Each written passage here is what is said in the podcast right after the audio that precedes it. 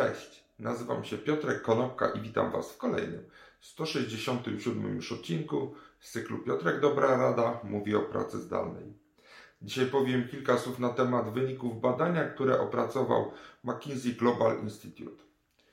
McKinsey zaprzągł do tego badania swoje narzędzia i dane dotyczące pracy zdalnej, automatyzacji pracy oraz sztucznej inteligencji. Badanie objęło 2000 zadań wykonywanych przez 800 zawodów w 9 krajach na całym świecie. Link do tego badania, czy do opisów tego badania znajdziecie pod filmem. Natomiast jakie są wnioski płynące z tego materiału? Przede wszystkim modele pracy hybrydowej przetrwają pandemię, ale głównie wśród lepiej opłacanej i wykształconej mniejszości pracowników.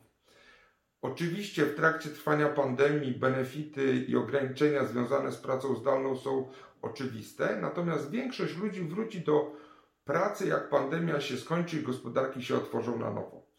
Ale zarządzający firmami przyznają, że praca hybrydowa z nami pozostanie, ponieważ wirus złamał bariery mentalne i technologiczne, które istniały i były związane z pracą zdalną i pojawiła się duża strukturalna zmiana w tym zakresie.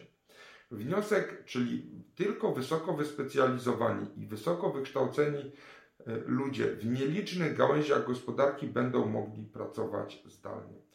Około 20% pracowników będzie mogło pracować zdalnie od 3 do 5 dni w tygodniu, co daje tak czy inaczej 3 do 4 razy więcej osób pracujących zdalnie niż w okresie przed pandemią.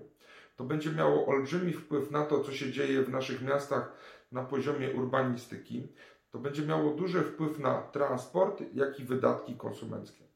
Natomiast więcej niż połowa ludzi nie może pracować zdalnie. I tu raczej nie ma znaczenia to, czy są słabo, czy lepiej wykształceni.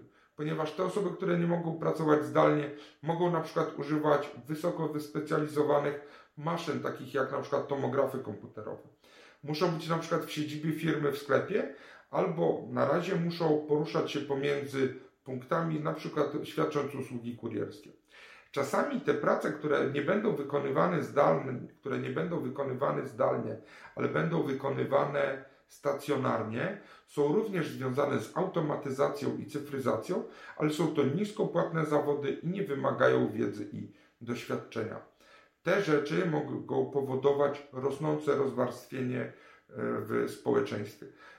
Dlatego McKinsey uważa, że pracę zdalną i pracę hybrydową należy rozważać w oparciu o zadania i czynności wykonywane na danym stanowisku, a nie o zawody. Więcej informacji znajdziecie na stronie McKinsey'a. Link jest pod podcastem. Dzięki serdeczne, do zobaczenia i usłyszenia jutro. Na razie.